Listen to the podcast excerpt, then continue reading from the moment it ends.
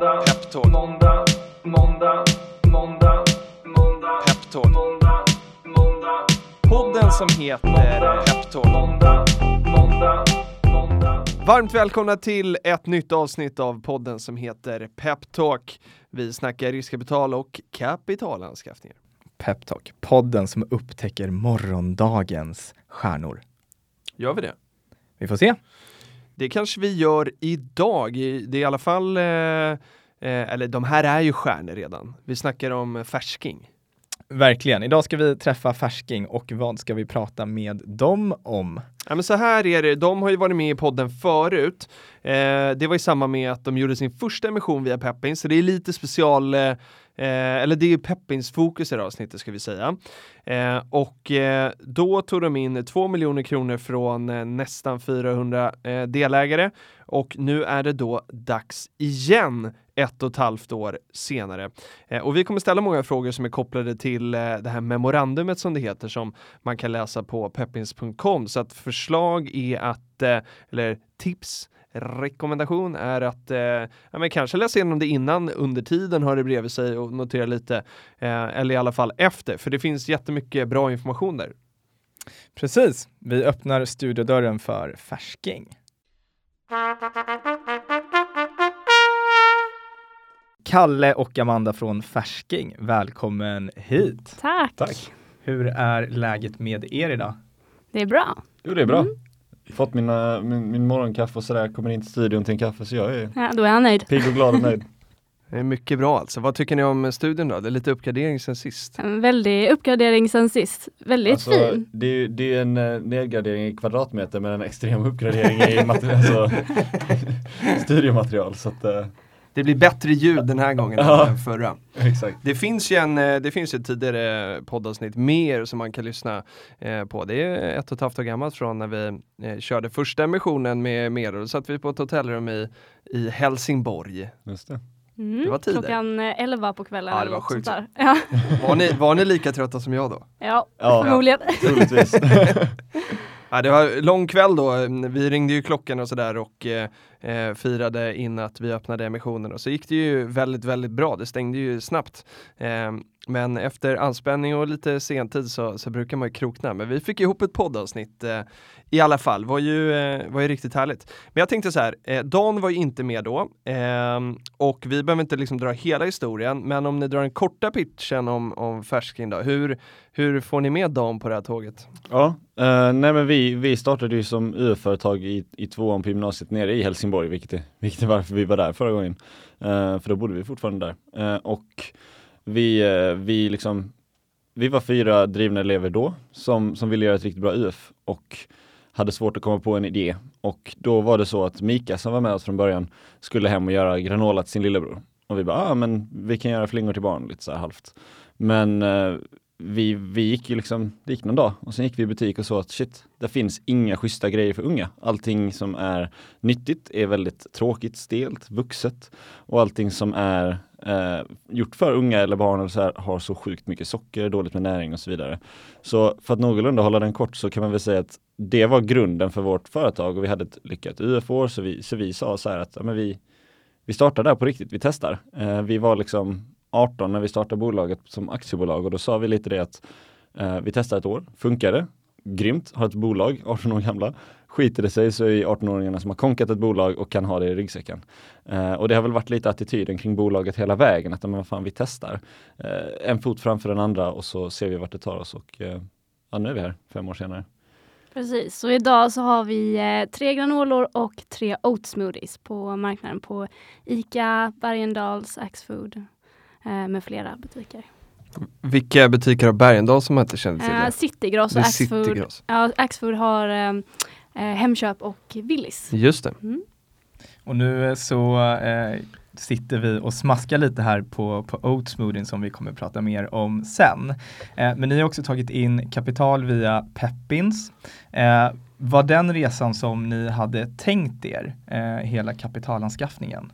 Ja, alltså jag trodde inte vi hade så mycket förväntningar för vi var helt nya in i det här. Bara, men crowdfunding, det är kul liksom och det känns som någonting som passar med vårt bolag för att vi vill att det ska vara en rörelse. Eh, och då vill vi dela det med fler personer. Um, så att jag tyckte att hela grejen var väldigt smidig. Det är väldigt bra med modellen att det kommer in ett holdingbolag. Eh, det har liksom inte varit något problem att eh, dra igenom stämmor eller ja, beslut eller sådär eftersom det har varit en aktör in i bolaget. Mm. Ehm, Mm, ja men verkligen, trots att vi nu har typ totalt 360 någonting delägare så har inte det påverkat oss negativt överhuvudtaget i, i allt det administrativa som finns att att driva ett bolag och det är väl det man kanske är lite orolig för med crowdfunding.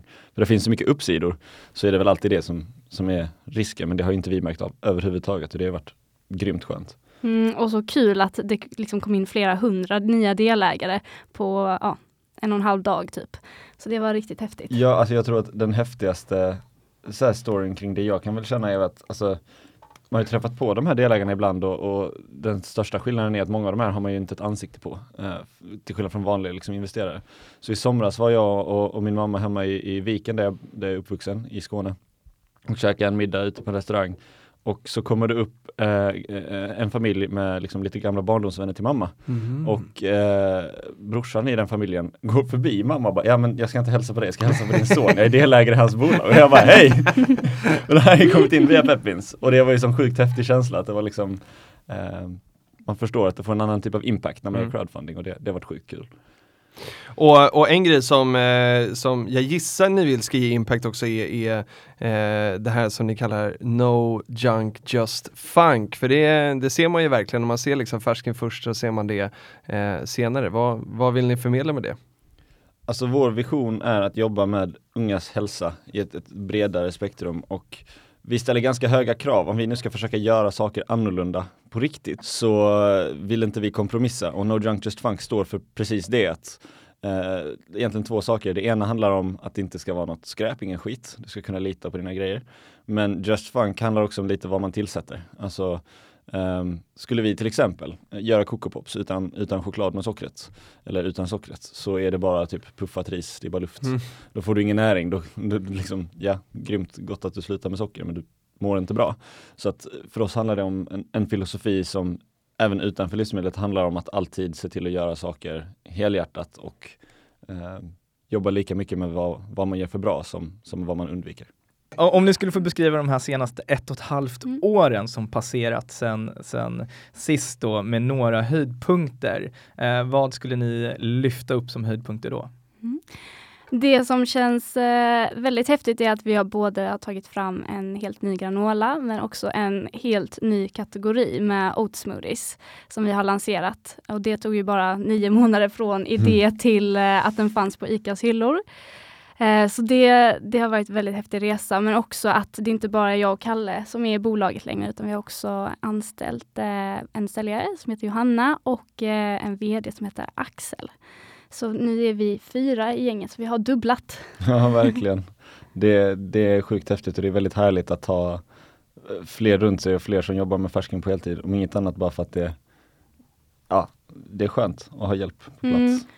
Precis, och som kvitto liksom på, på allt arbete vi gjort under det här ett och ett halvt året sedan vi lanserade våra två första granolor fick vi för ja, några veckor sedan när vi vann eh, årets bästa produkt för eh, äpple och kanelgranolan. Så det var också väldigt, väldigt roligt. Ja, verkligen. Och det var ju en konsumentröstad tävling Mhm. med eh, över 3800 konsumenter som röstade på typ 170 pro- Alltså det var, det var väldigt många produkter från stora företag. På, bara på granola-kategorin hade vi bland annat Paulun som vi slog. Eh, och Fick att de vi, testa i butik då och rösta eller hur? Eh, eller var det, är det Nej, en digital det var online. Mm, online. Online-röstning. Och sen var det ju en jury också, vet Ja, jag, som precis. testade. Ah. Så Då, du, du var tvungen att komma över en viss gräns Mm. liksom. Och sen kom juryn in och liksom sållade ut över det.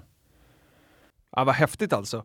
Hur, ehm, eh, om vi eh, går in på liksom granolan då, då, så vid förra emissionen så fanns det två smaker, nu är det som ni sa då finns det en, en tredje kakao och hallon. Eh, och eh, vi, vi kör alltid fredagsfrukost på, på Peppins på kontoret eh, och då har vi alltid eh, era granoler med där. Och när vi testade kakao och hallon när den eh, kom då så, så var det jag och flera som tyckte så här, nu har de kommit vuxensmaken.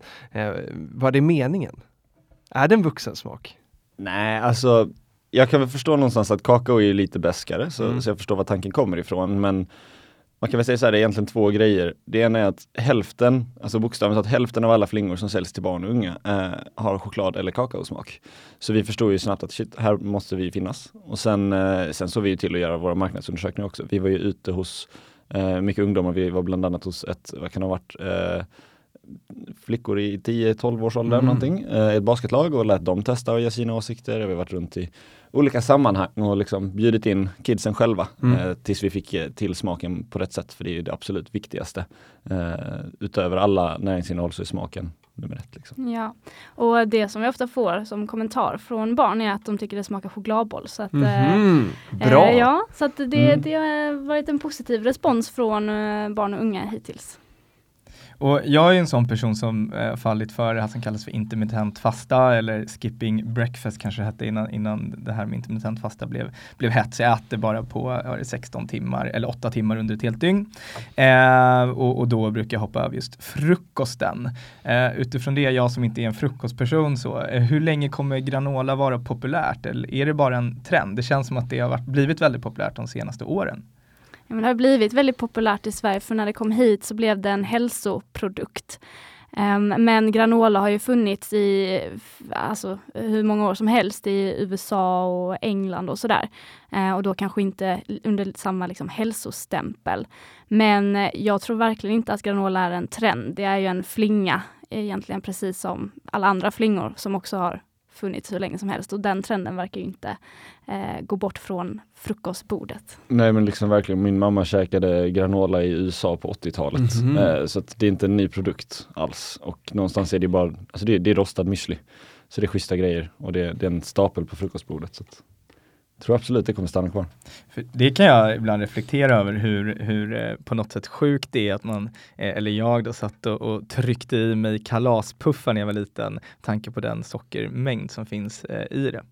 Ja, det, är, det är galet faktiskt, man reflekterade inte över det på, på samma sätt. Då, liksom. Och Jag gissar att det är, eh, för ni, ni pratar ofta om liksom, att den här ja, men, målgruppen är ganska medveten idag. Liksom. De var lite smartare än mig och Dan när vi var i den åldern. Är det, märker En, ni en, oss också. Ja, en också, verkligen. Ja, ni, ni är ändå lite yngre än och Ja. Dan. Men, men, ja, det kanske till och med, ja, vad kallar de generation Y va?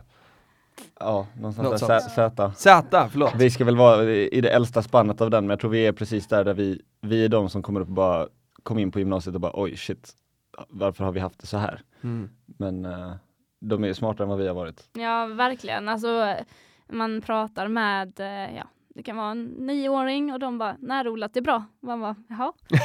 det visste inte jag när jag var nio. Nej. Eh, Så att eh, de har helt andra liksom, eh, ja, kunskapsnivåer idag än vad det hade för tio år sedan. Liksom. Och jag ska säga, det är sjukt tacksamt också när vi gör produkter som ställer så höga krav att det faktiskt inte bara uppskattas av föräldrarna utan även kidsen och de unga för de har koll på det här. De, Mm. de ställer krav, de följer upp, de läser innehållsförteckningar på ett sätt som man aldrig gjort förr i den åldern. Nej. Klart att det fortfarande är väldigt många som inte gör det men, men ja, det underlättar ju för oss i vårt arbete också. Men eh, kan ni inte beskriva hur det går till eh, när, när man tar fram en ny smak på någonting sådär med smaktester och sådär. Hur, hur ser en sån process ut? Hur många gånger får man göra om innan man gör rätt? Hur dålig är du från början? ja, nej men vi, alltså vi brukar kolla vilka smaker som är populära Mm. och tar också gärna in liksom tips när vi, när vi gör eh, smakundersökningar brukar vi alltid så här, eh, att man får skriva vilka, vilken smak skulle du vilja ha och få lite inspiration. Eh, men eh, men eh, ja, det kan ta eh, lång tid innan man hittat helt rätt. Men båda våra producenter är väldigt duktiga att utveckla med så att hittills så tycker jag att vi har lyckats bra med smakerna. Ja, vi har kommit ganska långt redan i de första testerna vi gjort. Alltså ehm, börjat bra men alltså till exempel med, med smoothien eftersom inte vi är något stort bolag som kan anlita någon stor process här, men vi gick ut på stan och typ ställde oss, gick till eh, butiker, ställde oss vid rätt hylla. När folk gick Mhm. fram och tog en produkt så var vi såhär, hej, kan jag få störa dig en liten sekund? Får jag fråga, varför köpte du den här? Liksom. Ehm, så man får göra en del sådana obekväma men eh, det ger en så sjukt mycket insikter som man inte får om man bara lägger ut typ en Instagram poll eller vad det nu är liksom. Nej. Om vi ska hoppa till eh, en kanske större och fundamental fråga så, så kan man läsa i eh, det här eh, memorandumet då, som finns eh, nu till emissionen eh, på Peppins att, att läsa. Eh, så säger ni att ni inte är ett livsmedelsbolag. Vad, vad menar ni med det? Ja, eh, grejen är väl så här att vi, vi vill jobba mer utifrån en livsstil än attityd. Och kan, man kan väl för lite kontext säga så här att nästan hela vår generation, generation Z då, if you will, eh, lever med någon typ av kollektiv framtidsångest. Från att liksom hur världen såg ut för tio år sedan med Obama, yes we can, det är liksom mm. utveckling på höger och vänster, det är liksom allting ser ut att vi är på väg i rätt riktning. Så kan man då hoppa tills idag och du har världsledare som börjar gå lite mer och mer mot liksom ganska negativa platser. Eh, du har ekonomier som går åt fel håll, miljön går åt fel håll. Eh, och det som är kul att se är att vår generation mer än någonsin tar saken i egna händer. Mm. Mycket av detta är tack vare internet. Eh, att man bara kan liksom Alltså du kan ju typ köpa en gammal telefon på Blocket, göra ett gratis konto på Facebook och få upp typ 300 personer som går och liksom, jag vet inte, gör någonting som man tror på. Mm. Uh, och vi känner väl att med Färsking så är vårt uppdrag att förlösa kraften hos den här generationens unga. Uh, som tror på någonting, som vill någonting. Uh, och vi börjar med eh, deras hälsa, vad man stoppar i sig. Och vi tror inte riktigt att vi kan lösa alla de här problemen, men vi kan hjälpa unga att ta stegen själva. Eh, och nu har vi börjat med då granola och, och smoothies och sådär för att livsmedelsbranschen är rätt tuff. Så vi har fullt fokus på att jobba med livsmedel. Men för oss handlar det om en attityd, lite new school versus old school. Precis, och i framtiden så är tanken att eh, det kanske kan utvecklas till någonting annat. Eh, men som sagt, just nu är det livsmedel, men vi vill inte vara ett livsmedelsbolag och ha den stämpeln för att vi, vi jobbar för någonting större. Mm. Och hur, hur liksom är responsen bland investerarna när ni pratar kring de här mjuka eh, värdena? Eh, uppskattas det? Får ni mycket frågor på det? Eller är de mer liksom inriktade på fakta och säljestimaten? Eh, förstår de vad ni vill uppnå med bolaget? Alltså, vi har ju valt våra investerare väldigt eh, noga och eh, alla är, är, inköpta på den här visionen. Så eh, vi har, vi har varit väldigt ärliga och tagit upp det från början att det är det vi brinner för och det är det vi vill bygga. Så att eh, vi får ibland frågor från våra investerare när, när kommer nästa grej utanför mm. livsmedel och sådär. Så att eh, de är väldigt eh, inköpta på den visionen. Det är väldigt betryggande. Det har liksom inte varit en disclaimer längst bak på ett papper. Nej. By the way, vi kanske vill göra något annat. Utan det har varit liksom, färsking är det här. Det här är vad vi gör. Mm. Och, och, det här, många entreprenörer men också investerare som, som vi pratar med eh, nämner, också, nämner just här hur viktigt det är eh, personkemi och att man verkligen förstår vad, vad entreprenören och så vill, vill uppnå. Hur har ni liksom valt ut de här investerarna då? Har de suttit på intervjuer hos er där ni validerat värdegrund eller hur har ni valt ut dem? Alltså i princip, vi har eh, Skype-intervjuat en hel del av dem. Alltså, vi, har, vi, vi, har intervjuat alla innan vi har släppt in någon och pratat med dem i eh, antingen träffats eller pratat med dem på telefon. Ja men alltså bara ta typ vår eh, nuvarande styrelseordförande Petter Ljungberg. Han kom då från att ha varit liksom skit mycket i branschen, jätteduktig, liksom varit vd för ett par bolag och sådär. Och så, så då hade vi inte ens sålt vårt första paket granola, vi hade fått listningar, men that's about it liksom. Uh, och bara, ah, men jag vill eh, färsking, uh, kul, jag vill, jag vill nog lägga in liksom en del pengar. Uh, och vi bara, ja, kan vi få prata med honom på telefon i två timmar först, vi vill veta vem det här är. Men och, liksom skämt åsido så har det varit liksom hela vägen och det som har gjort är att vi har en, en hel del investerare även utanför Peppians, typ 15-20 stycken. Men det som är häftigt är att när man samlar dem i ett rum så är det någonting som klickar för alla har en, en samsyn på världen och var, mm. eh, vart vi ska. Eh, så att Visst, det kanske låter lite tufft i hur vi har haft vår process, men det har gett alltså, så bra resultat. Det var ju även så för eh, eh på Peppers i förra emissionen så fanns det ju ett tak också för vad man fick investera utan att skriva, liksom, eller vill man investera mer än det taket, jag kommer inte ihåg om det var 5000 eller något mm, sånt där. 10 000, 10 000. Mm. Så fick man ju mejla till er eh, och liksom beskriva varför man skulle investera mer och så. Precis, vi, vi är tuffa med vilka delägare vi, eh, vi vill ha. Mm. Mm. Bra, eh, bra den grunden, kul att göra någonting annorlunda. Eh, det finns ingen sån gräns nu ska vi säga då. Nej, precis. Eh, det gör det inte. Så nu bara investera på om man tycker, om man tycker det. Det finns ingen sån eh, begränsning i alla fall. Eh, om, om, vi ändå ska stanna upp lite grann på livsmedel så är det ändå en central och viktig grej för er idag. Eh, och Kalle, du nämnde de här centrala listningarna. Jag tror inte alla kanske är helt hundra på vad det betyder att bli listad men ändå inte har sålt någonting. Hur funkar det där egentligen? Ja, det funkar ju så att alla kedjorna, alltså kedjorna funkar lite olika. ICA, Axfood, Bergendahls har lite olika stilar. Men generellt sett så istället för att du ska gå ut till, jag tror vad är det Amanda, typ 3000 någonting livsmedelsbutiker i Sverige, mer eller mindre. Eh, istället för att du ska gå till varenda enskilda butik så kanske du åker till ICA centralt, har möten där eh, och gillar de din produkt så kan de eh, lista dig i sina butiker och det innebär att Ja, på ICA är det lite speciellt för handlarna äger sina egna butiker men då skickas det ut ett så kallat planogram, en hylla, typ mm. typ en, en bild på hur en hylla ska se ut i butik till handlarna. Uh, och så läggs produkterna in i deras system så de kan beställa hem det och så vidare. Uh, vilket blir mycket mer effektivt. Mm. Och på till exempel Axfood så uh, där bestämmer de alla planogram centralt så då måste produkterna finnas i hyllan. Så om mm. de lägger in en pr produkt på de hyllbilderna så, så ska de finnas på alla butiker och jag eh, älskar säljmarknadsföring eh, och eh, förlurar lite på vilka andra distributionskanaler eh, ni jobbar med för att sälja era produkter, eh, undantaget de här stora livsmedelskedjorna. Ja, för, för granolan så har det varit ja, de stora livsmedelskedjorna. Det är en väldigt liksom så här, dagligvaruhandelsprodukt.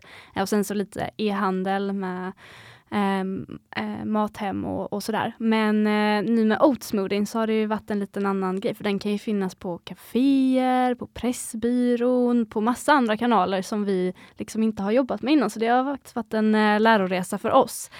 Um, och uh, det som vi uh, kickar igång här nu är ett samarbete med uh, Lövbergs som känns jätte, som det har väldigt, väldigt stor potential. För de kommer att ta vår oat smoothie och testa att sälja den ut till um, out of home-kanaler, vilket är typ kaféer, mm -hmm. högskolor, restauranger, det kan vara ja, allt möjligt, lite så här mindre ställen där man tänker sig att man kanske testar en oat smoothie för första gången där det känns lite mer naturligt att hitta den. Ja precis, så att vi, vi har kommit överens med dem ute i Karlstad där och mm. vi kommer testa det här nu fram till sommaren och det är sjukt spännande för de, alltså utöver för den som inte vet så har ju Lövbergs en lång historik med kaffe. Mm. Men de gör även, de, de är en familjeägt företag, står för riktigt goda värderingar, jobbar med naturlig energi eh, och håller också på att utveckla utanför kaffe, så de har bland annat släppt eh, utanför kaffe så säger nu, de har gjort en iskaffe bland annat i en liknande förpackning som var oat smoothie som mm. säljs i sådana här kanaler. Men de har också börjat jobba med, de har eh, delägarskap i Hum Kombucha eh, mm. och de har en Funk heter det, ett, ett eh, funktionellt eh, vatten. Och de jobbar med lite olika sådana produkter så att där kom vi överens och kände att vi, vi matchade varandra väldigt väl med vad vi vill åstadkomma. Så det är sjukt spännande. Nu kommer vi liksom få hjälp av deras så kallade Key Account Managers som kommer hjälpa oss att sälja in det till olika kedjor och, och, och, ställen och så, så ska vi se hur det går men det känns jättespännande. Precis, de är ju verkligen experter på det här området. Så eh, det ska bli väldigt roligt att få samarbeta ihop. Mm. En annan distributionskanal som vi nu eh, kommer att eh, lansera med är också Friskis och Svettis, både i Göteborg och Stockholm där de tar in våra oat smoothies. Eh, så det ska också bli jättespännande för jag tror att eh, oatsmoothien passar jättebra i eh, träningstillfällen. Men ett klockrent mellanmål efter gympasset eller zumban eller spinningen eller vad det nu är. Och hur, hur kommer man in på en sån kedja? För det, eh, jag hänger inte jättemycket på gym, men de gånger jag är där eh, Fast det gör så det. tycker jag mig se att eh, ja, men de börjar sälja mer och mer eh, bars och, och, smoothies eller vad det är. Hur kommer man in på en sån kedja som Friskis och Svettis? Ja, man pratar med dem också. Det finns inköpare där på de organisationerna så det är bara att ta kontakt med dem och eh, få dem att tycka om eh, produkten helt enkelt. Mm. Ja, det är väl lite så här, tja, vi vill sälja det här, vem ska jag prata med? Ah, Okej, okay, men då jag kopplar dig och sen så tar man det därifrån. Är tricket då liksom att skicka några provsmaker till oss så att de får, eh, så att de blir, får bli kära? Liksom. Mm. Ja precis, de har ju provsmakat och haft smakpaneler och sådär. Så att, uh, mm. Gedigen process. Exakt. Ja. Och, och ni säger att Löfbergs eh, hållbarhetsfokus, eh, validerar ni också eh, era leverantörer på samma sätt som ni validerar investerare i hur de jobbar med hållbarhet? Alltså det känns lite som att svära i kyrkan 2020, men hållbarhet är någonting vi ser väldigt viktigt på, men vårt huvudfokus har alltid varit ungas hälsa. Sen jobbar vi så gott vi kan utifrån de resurser vi har. Så om man tittar på till exempel smoothien så har vi valt så mycket, så långt det går. Så om man tittar på vår förpackning så är det en pappburk tillverkad i Finland med 70% återförbrukningsbart papp så att du kan slänga den med dina hushållskartonger. Så att vi jobbar så gott vi kan med det. Eh, men det är en mycket svårare fråga för ett startup än Eh, till exempel hälsofrågan. Och det som vi ändå har prioriterat högt är att ha producenterna nära oss. Det känns någonting som är liksom viktigt. Så vi har båda producenterna i Danmark. Vi kommer från Skåne så det är, ju, det är väldigt nära. Det är typ mm. samma land. Det är intressant det där, för man tänker att så här, ja, men allt ska vara i Sverige men, men Kiruna blir på det sättet liksom sämre än Danmark ja, i, i, bara uh, närheten då. Liksom. Ja men alltså typ som när vi bodde i Helsingborg så var det två och en halv timme över till vår producent vilket innebär att det är typ lika långt som till Göteborg och det är mycket närmare än Stockholm mm. till exempel. Så att, ja, för lite perspektiv på det där. Bra, och jag, jag blir fullständigt, jag läste också igenom ert eh, memorandum här in, inför den här intervjun eh, och blir fullständigt eld och lågor när jag läser att ni jobbar med marginalförbättringar. Eh, och vi kan läsa oss till att ni har jobbat med lönsamhetsförbättringar för granolan. Eh, skulle ni kunna beskriva kort, hur, hur jobbar ni med de lönsamhetsförbättringarna? Dels så har vi ju kommit upp i volym så att vi kan ställa större volymer vilket ger bättre priser. Vi har också Eh, råvarupriserna har eh, sjunkit. Det var ju en eh, katastrof sommar 2018 där all eh, havre typ brann upp mm. så att den mhm. stack ju verkligen iväg i pris. men den har gått tillbaka till lite mer normala nivåer. Ehm, och sen så har vi också förhandlat avtal på alla fronter, både pris eh, ut till ehm, eh, kedjor men också eh, till vår, eh, till vår distributionspartner och sådär. Ja, man kan väl säga generellt sett så kom vi från en väldigt svag förhandlingspunkt när vi började. Eh, om man bara tar som exempel med vår, med vår granola-leverantör så kom vi dit som två 18-19-åringar, vi hade inga investeringar, vi hade inte Färsking som brand då, då var vi fortfarande vårt UF-brand. Eh, och de jobbade med oss i typ ett halvår Eh, för att de trodde på det. Men det innebar också att när vi väl sen skrev avtal så hade vi inga volymer, vi hade knappt liksom någonting. Medan sen så då ett och ett halvt år senare när vi liksom kände att vi omförhandlade avtalet, ja men då hade vi liksom sålt ganska mycket, ett par hundratusen paket, vi hade liksom stora listningar, vi fanns överallt. Och det är lite story med många av de här avtalen, att ja, det är väldigt stor skillnad när du precis startar och när du sen har lite trygghet och mindre risk då, då blir det bättre avtal. Och om vi ska komma in på själva investeringscaset då så där så tar ni nu in då 10 till 15 miljoner kronor eh, på en värdering som är 30 miljoner då och då säger man att det är före att de här pengarna kommer in. Mm. Eh, och i förra emissionen då för ett och ett halvt år sedan så var den 15 miljoner före pengarna och sen la man på pengarna så hamnade vi över 20 då. Hur motiverar heter det, ni den här värderingen? Ja, alltså det har hänt extremt mycket sedan förra emissionen och det är det som går in liksom i den här värderingen. Mm. Vi har gått från att ha sålt eh, en halv miljon till eh, kund till mm. att ha sålt sex och en halv miljon. I pengar då? ja, precis. Mm. Eh, till eh, kund. Um, vi har um, Eh, vi hade två produkter vid den tidpunkten. Idag har vi sex produkter. Vi har en helt ny kategori. Vi eh, har gjort marginalförbättringar på granolan. Från 20 till 34 procent bruttomarginal. Ja, och vi har ett eh, nytt distributörsavtal med Lövbergs. Um, oh. Vi har gått från 450 till 900 butiker så att allting har ju liksom, det har varit ett ganska så stor utveckling i bolaget. Mm. Uh, på väldigt många fronter utöver det har vi blivit prisade på mycket som vi nämnde innan med årets bästa produkt. Men vad som är häftigt är också att redan ett halvår in på marknaden så fick vi uh, ICAs finaste externa pris, Klas-Göran Sylvéns entreprenörsfond. Just det. Så att ja, har, det har hänt mycket eh, som, som befogar det hela. Liksom. Och om vi blickar framåt då, ni har formulerat ett gäng mål här för 2025. Eh, om vi börjar med omsättningsmålet om 100 miljoner kronor. Eh, hur ska ni nå dit? Jo, men vi, eh, vi bygger hela vår business just nu på att vi kommer lansera livsmedel i totalt tre kategorier. Eh, nu har vi lanserat två av tre. Och då är den klassiska frågan liksom, varför tre och inte fem eller ja, två. Um, och det är väl helt enkelt så att vi vill egentligen fortsätta utveckla fler kategorier än tre, men varje ny kategori blir extremt kapitaltung och det kan man ju också se i och med på den här finansiella planen att varje år som det kommer en ny kategori så blir det ekonomiskt väldigt tungt för du måste investera så fruktansvärt mycket i den här nya kategorin. En ny smak är lättare för den kan rida på de, på de befintliga smakerna eller ny storlek. Um, men, men vi vill ändå liksom bygga upp att vi inte är ett granolabolag. Uh, vi vill sprida liksom vår portfölj och visa på vad färsking ska stå för. Så att då handlar det om liksom tre kategorier som vi ska bygga hela vår business kring och sen när de väl är på plats, ja men då handlar det väldigt mycket om att bara bygga volym, för det är en väldigt volymdriven business. Typ få ut nya distributionskanaler, se till att komma in i alla kedjorna um, och liksom ja, bygga, ta marknadsandelar. Och vi ska säga att ni nu 2019 avsatte drygt 10 Yes. Så man vet eh, utgångsläget i alla fall, eller i alla fall var ni är just nu då. Och, och den nämnde ska vara tre kategorier då och det är två idag. Nu är det bara vi fyra som lyssnar på det här. Vilket blir det tredje? Nej. vi, vi har ju inte riktigt bestämt exakt vilken eh, den tredje kategorin ska vara. Jaha, det är inte bestämt. Nej. Så Det man kan fortfarande bestämt. påverka alltså? Ja, Absolut. man Ah, får det skicka var dit jag ville komma. förslag, ja. har, har, man, har man trendiga förslag på, på riktigt schyssta livsmedel, gärna inom eh, mellanmål eller to go, så är vi all ears. Ja. Frukost också för den delen, men vi tittar väl framförallt mellanmål och to go. Mm. Och eh, bruttomarginalen då, har satts ett mål om eh, 40 till 50 procent där. Är det, finns det något mer än det vi liksom har pratat om för eh, marginalförbättringar på liksom produkten som ni eh, kommer behöva göra för att nå dit? Nej, alltså det största där är volym som driver Ja, det är det. eh, de voly- ja, för Mm. marginalförbättringarna.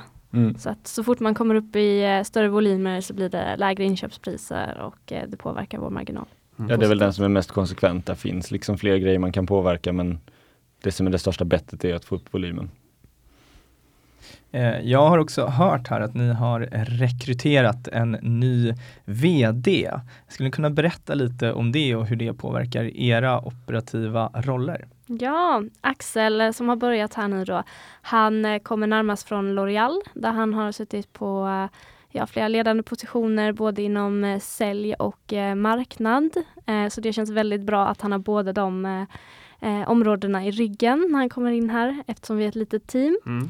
Ehm, och eh, jag har ju hittills varit eh, VD ehm, och jag är väldigt eh, glad och nöjd över att lämna över den till eh, Axel. Ehm, vi har ju länge pratat om att liksom, våra, våra drivkrafter är vad, vad kan vi göra störst skillnad i Mm. färsking och det är liksom kring det som våra drivkrafter är om. Och min drivkraft är liksom att utveckla produkter och skapa ja, affär, affärsutveckling och innovation.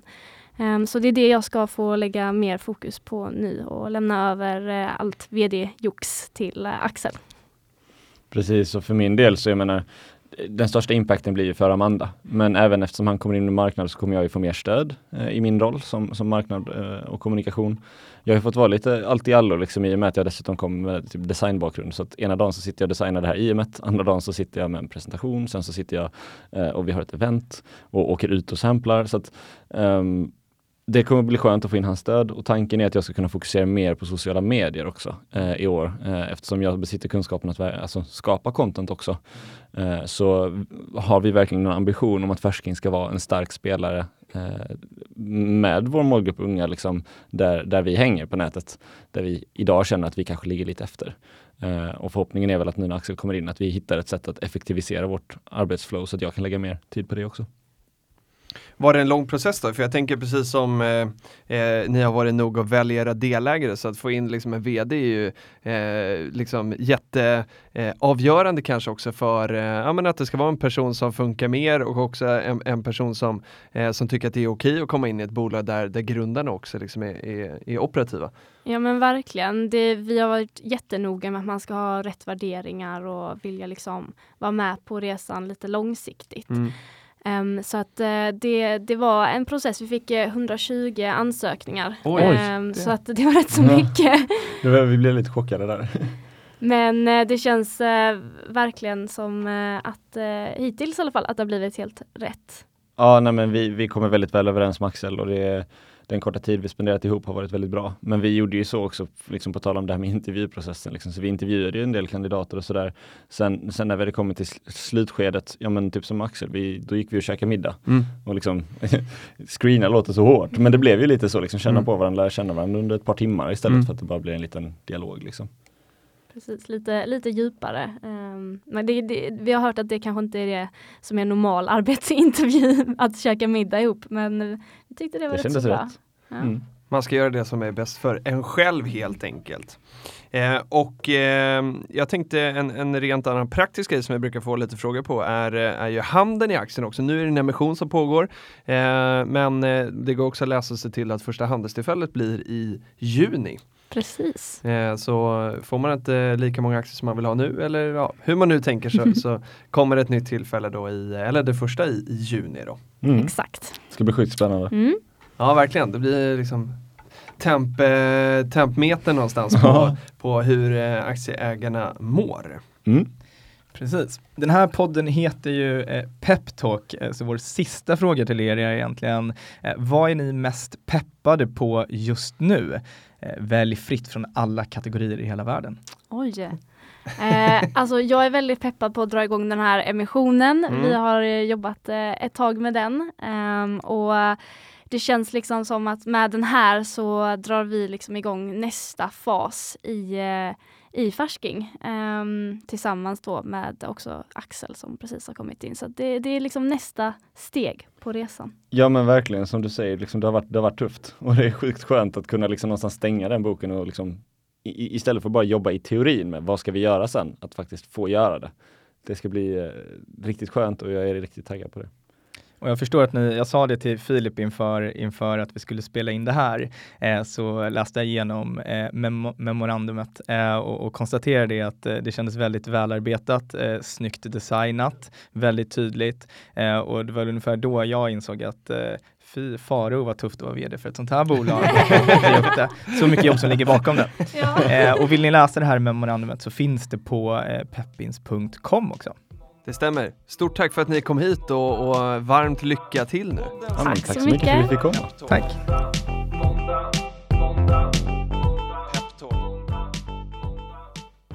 Kalle och Amanda var det Filip. Ja, jag har ju hängt med de här eh, en hel del förut. Vad, vad tyckte du? Men jag, jag har aldrig träffat dem eh, tidigare. Jag eh, hade läst eh, deras memorandum inför intervjun eh, och det slog mig, som jag sa också, här, att eh, hur proffsigt eh, deras IM kändes. Eh, och jag tyckte de, eh, ja men de känns ju sjukt rutinerade. Bra svar på tal. Ja, jag tyckte det. De var eh, väldigt förberedda. De är, de är ju proffs de här eh, unga, jag höll på att säga talangerna nu, men de, eh, de har ju varit talanger. Nu visar de ju liksom, eh, de har ju bevisat sig, tycker jag. Det har de eh, och vi satt ju och smaskade på deras oat smoothie under den här intervjun också. Vad, vad tyckte du om den? Nej men så här, det, jag bestäm, man måste ju vara ärlig när man säger sånt här och jag eh, tyckte, jag tyckte faktiskt att den var riktigt god. Jag har ju gått över till att eh, börja käka lite mer liksom havrebaserade saker eh, än mejeri då, framförallt till frukost. Eh, så att jag, och jag har inte testat den innan, vilket är lite märkligt. Många av mina kollegor har gjort det. Eh, men jag tyckte att den var riktigt god. Det, jag tror att det var väldigt bra att den var kyld. Eh, och det eh, rekommenderar de säkert att, den ska vara. Men du var ju snäll och köpte och måste ha köpt från en kyl då. Precis, jag tror havreprodukter överlag upplevs smaka bättre när de är lite, lite kyliga. Eh, men är det någonting som ska, skulle kunna få mig att börja äta frukost igen så, så är det de här eh, Ja, det smoothiesen. Eh, Vad tyckte du? du hade, vad hade du för smak? Ananas och kokos Ja, eh, var min smak. Och vad drack Persika havtorn. Jag är väldigt förtjust i havtorn så att det adderade nog lite till. Den appellerar mig. Precis. Så vill ni läsa om det här bolaget in på peppis.com och jag har sagt det tidigare, jag står verkligen fast vid det att eh, jag tycker att det är ett eh, grymt forum för bolagen här som ska ta in kapital, att de får tid att i lugn och ro prata eh, Mm. i ett sånt här öppet forum som podden är. Så cred till er på Peppins för det. Tack Dan! Eh, glöm inte att följa oss på Instagram, det är där det händer. At Peppins Peptalk eh, så kan ni gå in och, och läsa mer om vad vi håller på med och eh, hitta inspiration till tidigare avsnitt också. Eh, det går också att nå oss på mail, då mejlar man till peptalk.peppins.com och så prenumererar man var då? Du kan prenumerera på den här podden där du lyssnar på den just precis nu. Vi finns på Soundcloud, Acast, Podcaster och såklart Spotify. Eh, den här podden då, den produceras för Peppins och inget av innehållet ska ses som finansiell rådgivning. Investeringar i aktier är förenat med risk som innebär att man kan förlora delar eller hela det investerade kapitalet. Och i det här avsnittet har vi snackat om färsking. Filip, du äger lite aktier i det. Jag äger aktier i Färsking sedan eh, förra emissionen via Peppins, stämmer. Och jag äger inga aktier än. Eh, och jag brukar ju, eh, kan väl disclaima det redan nu då, att jag kommer säkert köpa på lite mer i den här emissionen för att jag tycker det, tycker det är roligt att vara med i, i alla emissioner och sen också eh, så finns det lite liten poäng med, och det har vi lärt oss i den här podden nu, att man ska ju eh, vara beredd på att det kan komma flera emissioner i ett bolag. Och tecknar man sig då inte liksom de kommande emissionerna om man är delägare sedan tidigare så blir man ju då utspädd. Dina aktier får en mindre del av bolaget än vad eh, aktierna hade eh, innan då. Eh, så att jag kommer nog teckna lite mer. Bra, och vi får se. Jag ska läsa igenom ett, eh, IM här under, under helgen och så får vi se vad, vad jag fattar för beslut där. Gör hemläxan. Det ska jag göra. Ha det gott! Hej!